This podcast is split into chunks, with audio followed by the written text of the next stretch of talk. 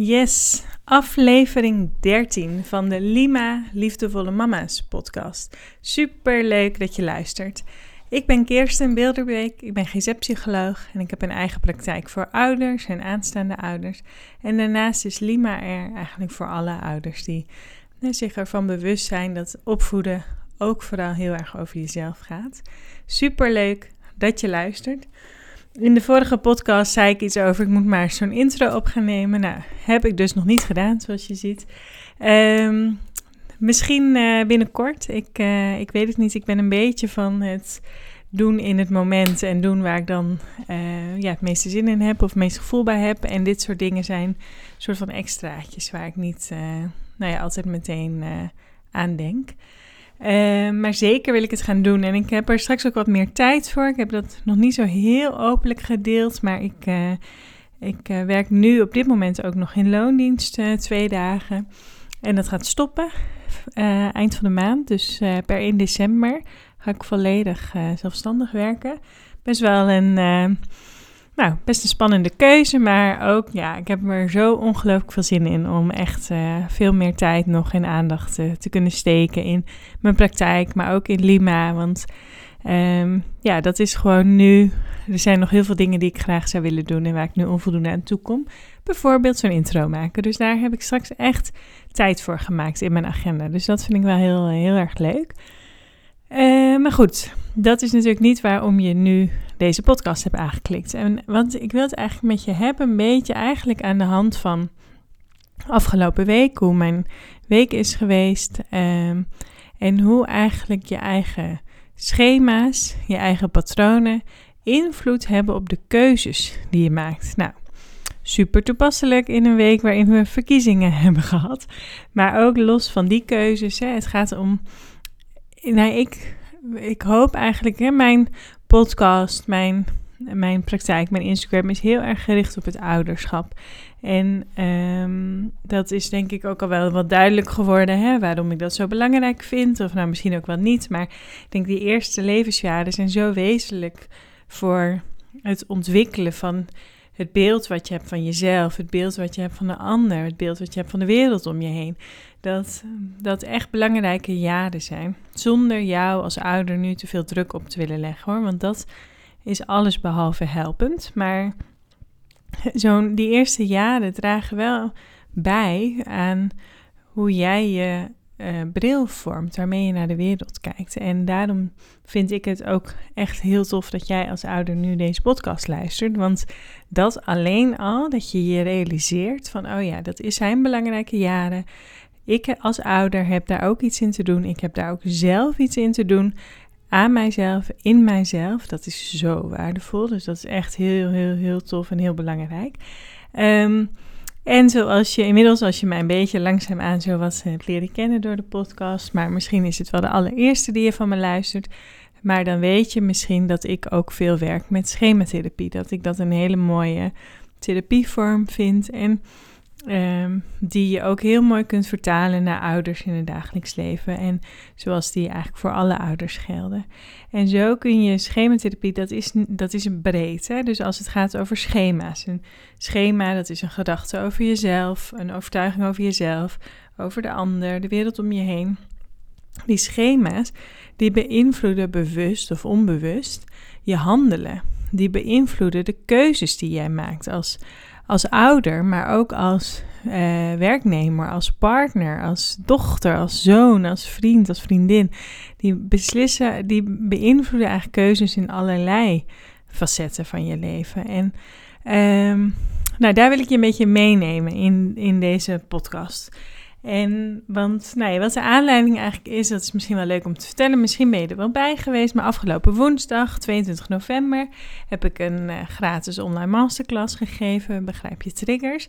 Superleuk. Ik vind het zo leuk om te doen. En uh, het is zo tof om te zien hoe, uh, nou, hoeveel ouders daar enthousiast over zijn, over dat thema. Die daar bereid toe zijn om daar iets in te gaan doen en te onderzoeken bij zichzelf. En ook al is dat niet gemakkelijk, dat is best wel heel confronterend. En dat merk je ook op zo'n avond. En dan vind ik het zo mooi om te zien die bereidheid die daar is. Uh, dus dat was echt uh, heel tof.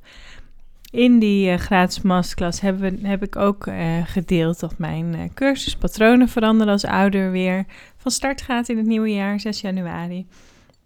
En daar heb ik dus een cursus voor 10 weken.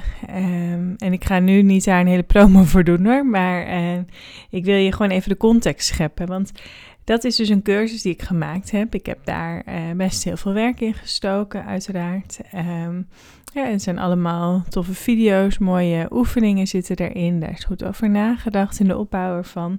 En dat is ook heel waardevol gebleken eigenlijk door de 30 ouders die al mee hebben gedaan. Um, maar het is natuurlijk, kijk, in mijn eigen praktijk is het zo dat mijn, um, de, hoe zeg je dat? Het uurtarief, wat het kost om bij mij in behandeling te zijn, dat stel ik niet zelf vast. Dat is uh, door de overheid, door de Nederlandse Zorgautoriteit, de NZA, vastgesteld. Nu is het nog weer zo dat we marktwerking hebben, zodat de verzekeraar dan zegt, nou, zoveel procent van dat tarief keren wij uit. Maar hoe dan ook, ik maak niet zelf een keuze van dit is het waard, dit kost het, dit ga ik ervoor vragen. Nee, dat is vastgelegd. Dus dat is iets volledig buiten me om. Prima, helemaal goed. Maar als het om zo'n cursus gaat, dan ben ik dus zelf degene die bepaalt hoeveel dat kost. Super lastig. Ik vind dat echt super lastig. Enerzijds denk ik, ik wil dit heel graag toegankelijk maken. Ik wil graag dat zoveel mogelijk ouders deze cursus kunnen doen. Want dat is ook mijn missie. Hè? Dat, dat jij als ouder kunt onderzoeken wat wordt er in mij geraakt. Hoe kan ik daarvoor gaan zorgen? Hoe kan ik vaker die liefdevolle ouder zijn die ik ben? Dus enerzijds wil ik het dus toegankelijk maken, ook door de prijs. Anderzijds zegt een prijs ook iets over wat je kunt verwachten, wat de kwaliteit is. Hè? En voor sommige mensen geldt als iets uh, weinig kost. En denk, nou, dat zal ik niet zoveel voorstellen, ga ik maar niet doen. Daar ga ik ook niet een paar tientjes in investeren, want dat, uh, dat stelt toch niks voor. En uh, maar voor andere mensen um, geldt misschien weer van het is te duur dit, en ik ga niet zoveel geld in, mij, in mijn, uh, mijzelf investeren. Dus dan heb je meteen al een schema te pakken eigenlijk. Hè? Maar goed, dat even terzijde. Maar um, dus ik heb met die prijsbepaling wil ik, wil ik het aan de ene kant toegankelijk maken. Aan de andere kant wil ik ook laten zien van ja, je hebt wel um, iets wat echt kwaliteit is, wat echt iets wezenlijks uh, kan gaan veranderen in jezelf. Kan, zeg ik erbij, want het vraagt ook echt iets van jezelf. En dat is het ook. Hè? Ik bedoel, je kunt heel erg mooie verhalen hebben met quick fixes, hele snelle, supersnelle verandering en verbetering in waar je tegenaan loopt.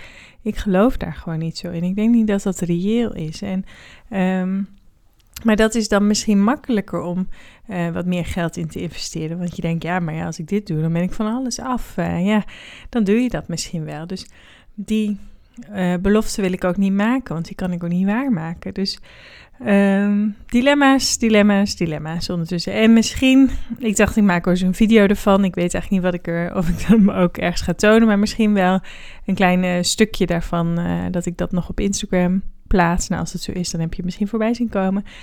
Als je de video ziet, en ik pak hem even bij me, dan heb ik ook eventjes um, het knuffeltje gepakt wat ik hier in mijn praktijk um, um, ja, eigenlijk als symbool voor het kwetsbare kind in jezelf heb staan. als ik hier in mijn praktijk werk met ouders, als we oefeningen doen, dan komt dat kwetsbare kind ook vaak naar voren. En ik heb die er even bij gepakt. Want ik denk, als het gaat over keuzes maken. En het is even, zeg maar, als je niet de video hebt gezien, het is echt een heel schattig klein beertje. Met, uh, met hele zachte haartjes en heel lieve voetjes om aan te zitten. Dus dat doe ik nu even.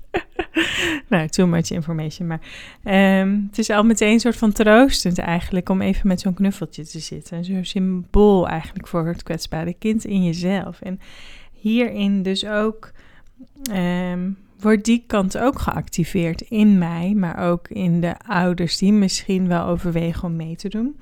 Want in mij, zeg maar, zit natuurlijk ook een kwetsbaar kind wat um, graag wil horen dat ze het goed doet, die, um, die erkenning wil krijgen, die gezien wil worden. Ik bedoel, dat, dat stuk hebben we allemaal in zich en dus ik net zo goed.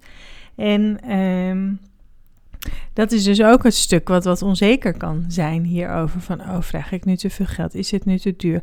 Moet ik het goedkoper maken? Maar wat doe ik mezelf daar dan weer niet mee tekort? Nou, hè, bla, bla, bla.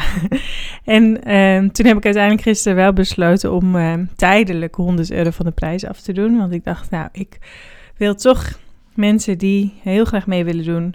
Uh, nog iets lagere drempel geven om, uh, om dat te gaan doen. Dus heb ik daar toch voor gekozen.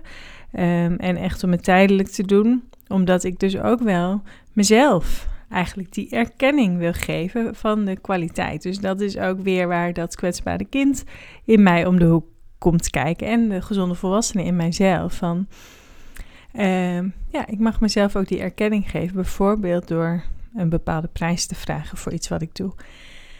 Um, en dit is even een klein voorbeeld om te illustreren hoe, zeg maar, schema's, maar hoe dus ook dat kwetsbare deel in jezelf een rol speelt in de keuzes die je maakt. En het gaat om allerlei keuzes. Het gaat ook over Um, wil ik deelnemen aan zoiets? En dat hoeft echt niet, dat gaat niet specifiek over mijn cursus, maar ook uiteraard, maar ook over bijvoorbeeld, wil ik wel of niet um, dat, uh, uh, ja, hoe zeg je dat, nieuwe kledingstuk voor mezelf kopen? Ga ik geld aan mezelf uitgeven? Um, waarin investeer je voor jezelf? En kies je voor jezelf, of ben je iemand die bijvoorbeeld veel gemakkelijker geld uitgeeft aan aan je kinderen en aan uh, bijvoorbeeld kleding voor je kinderen en ondertussen voor jezelf niks, nooit eens, eens, iets nieuws koopt. Er zijn ook allerlei schema's en patronen die een rol spelen. En natuurlijk, ik bedoel, het gaat helemaal niet om het materialistisch. Hè? Ik hoop dat, nou ja, dat wel voldoende duidelijk wordt. Maar het is gewoon even een, een voorbeeldje waarin je ja, dat goed kunt terugzien eigenlijk. Hè? Van hoe jouw eigen schema's um, een rol spelen in keuzes die je maakt. En hoe jouw kwetsbare kind in jezelf daar ook een rol in speelt. En ik denk dat het ongelooflijk belangrijk is om te luisteren naar de behoeften van jouw kwetsbare kind in jezelf. Om te luisteren naar diens uh, verlangens en wensen en emoties en daar ruimte voor te maken. Um, omdat dat uiteindelijk er ook zal, voor zal zorgen dat jij meer rust gaat ervaren in jezelf. Dat je ook minder het gevoel hebt van nou, alles staat bijvoorbeeld in het teken van mijn kinderen. Ik kan nooit eens iets voor mezelf doen. Nee, maar kies je wel eens iets voor jezelf?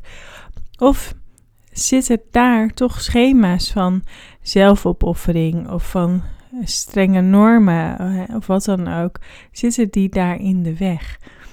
En als dat zo is, ja, dan wil ik je toch uitnodigen om die eens onder de loep te gaan nemen en eens te gaan onderzoeken van hé, hey, hoe zit dat bij mij? Hoe zitten die patronen bij mij? En kan ik eh, contact maken met dat kwetsbare kind in mijzelf? En hoe kan ik daarvoor gaan zorgen? Hoe kan ik gaan aansluiten bij haar behoeften en bij haar wensen en verlangens? En ehm, daarvoor kun je natuurlijk meedoen met mijn cursus en dat is helemaal aan jou. Um, maar ik denk echt, ik, ja, ik geloof er echt in dat het ontzettend waardevol is voor iedere ouder. En we starten 6 januari, dus dat duurt nog eventjes, want ik dacht die decemberperiode is niet echt de meest handige tijd van het jaar om met zoiets te starten. Um, maar aanmelden kan wel vanaf nu. En uh, nog tot en met zaterdag 25 november betaal je 197 euro. Dus dat is die 100 euro korting. En daarna gaat de prijs met 50 euro weer omhoog. Dat was eigenlijk mijn oorspronkelijke prijs die ik uh, vroeg als uh, kortingsprijs. Dat is 247. En beslis je na 1 december ben je ook nog van harte welkom. Dan betaal je gewoon de prijs uh, zoals ik hem had bepaald. 297 euro. Dus dan weet je even. En je weet nu ook een beetje van mijn achtergrond in de dilemma's over die prijzen. Hè? En um, ik denk, ga vooral ook bij jezelf voelen. Van wat vind, is voor mij belangrijk? Wat is voor dat kwetsbare kind in mezelf? Wat, wat is belangrijk en wat wil ik vanuit mijn gezonde volwassenen doen voor mij? En um, nou, ik denk, dan voel je wel of, of dit iets voor je is. Of dat je denkt, nou nee, dat is het niet voor mij. Ook helemaal prima. Hè? En uh, Dat, dat, ik bedoel, het moet ook het juiste moment zijn om, dat, om zoiets aan te gaan pakken. En dat is het niet altijd voor iedereen elk moment. Dus uh, dat is echt helemaal oké. Maar mocht je mee willen doen, ben je van harte welkom. 10 weken korte video's met heel veel oefeningen. Want ik denk, uh, ja, informatie kun je gewoon opzoeken. Um, Alhoewel ik ook denk dat deze informatie niet zo heel toegankelijk uh, goed te vinden is, maar dat terzijde. Maar de kracht zit hem echt in dingen ervaren, in het voelen, in het anders gaan doen vanuit oefen, ervaringsgerichte oefeningen die dus in de cursus zitten. En um, het is gewoon een individuele cursus. Je kunt het helemaal op je eigen tempo, in je eigen tijd doen. Er zit wel een einddatum aan uit mijn hoofd.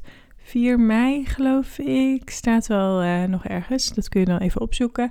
En dat is eigenlijk omdat, um, nou ja, anders de verleiding ook wat groot kan zijn om het even te laten liggen. Omdat juist omdat het best confronterend is. En um, dat is niet altijd gemakkelijk, dat is niet altijd leuk per se. Um, het is niet echt een goed verkooppraatje per se. maar wel reëel. Um, dus daarom zit er ook een einddatum aan om je echt te stimuleren om het te gaan doen. Dus dat wilde ik zeggen. Dus patronen, schema's gaan over veel meer dan het ouderschap. Die zijn veel breder dan dat. Op alle gebieden van je leven speelt het een rol. En als je ze gaat kennen van jezelf, ga je het ook herkennen. En kun je dus de regie gaan leggen bij die gezonde volwassenen om echt voor jouw kwetsbare kind te zorgen. Dat is mijn belangrijkste boodschap eigenlijk van deze podcast. Mocht je hem nou interessant vinden, dan vind ik het super leuk als je mij uh, dat wil laten weten. Als je het hebt geluisterd en hoe het voor je was. Ik vind het ook heel leuk als je hier een review achterlaat. In Spotify kun je sterren geven. En hoe meer ik daarin zeg maar beoordeeld word, hoe makkelijker ik ook weer vindbaar ben voor andere ouders. Dus daar help je me enorm bij. En voor nu wil ik je enorm bedanken dat je weer helemaal tot hier geluisterd hebt. Super leuk, dankjewel. En stuur me gerust een berichtje, ook als je vragen hebt. Um, ook als je een bepaald onderwerp hebt waar je heel graag een podcast aflevering van mij over zou willen luisteren. Dat vind ik hartstikke leuk. Dus uh, stuur me gerust een berichtje en dan uh, spreken we elkaar. Hey, doei!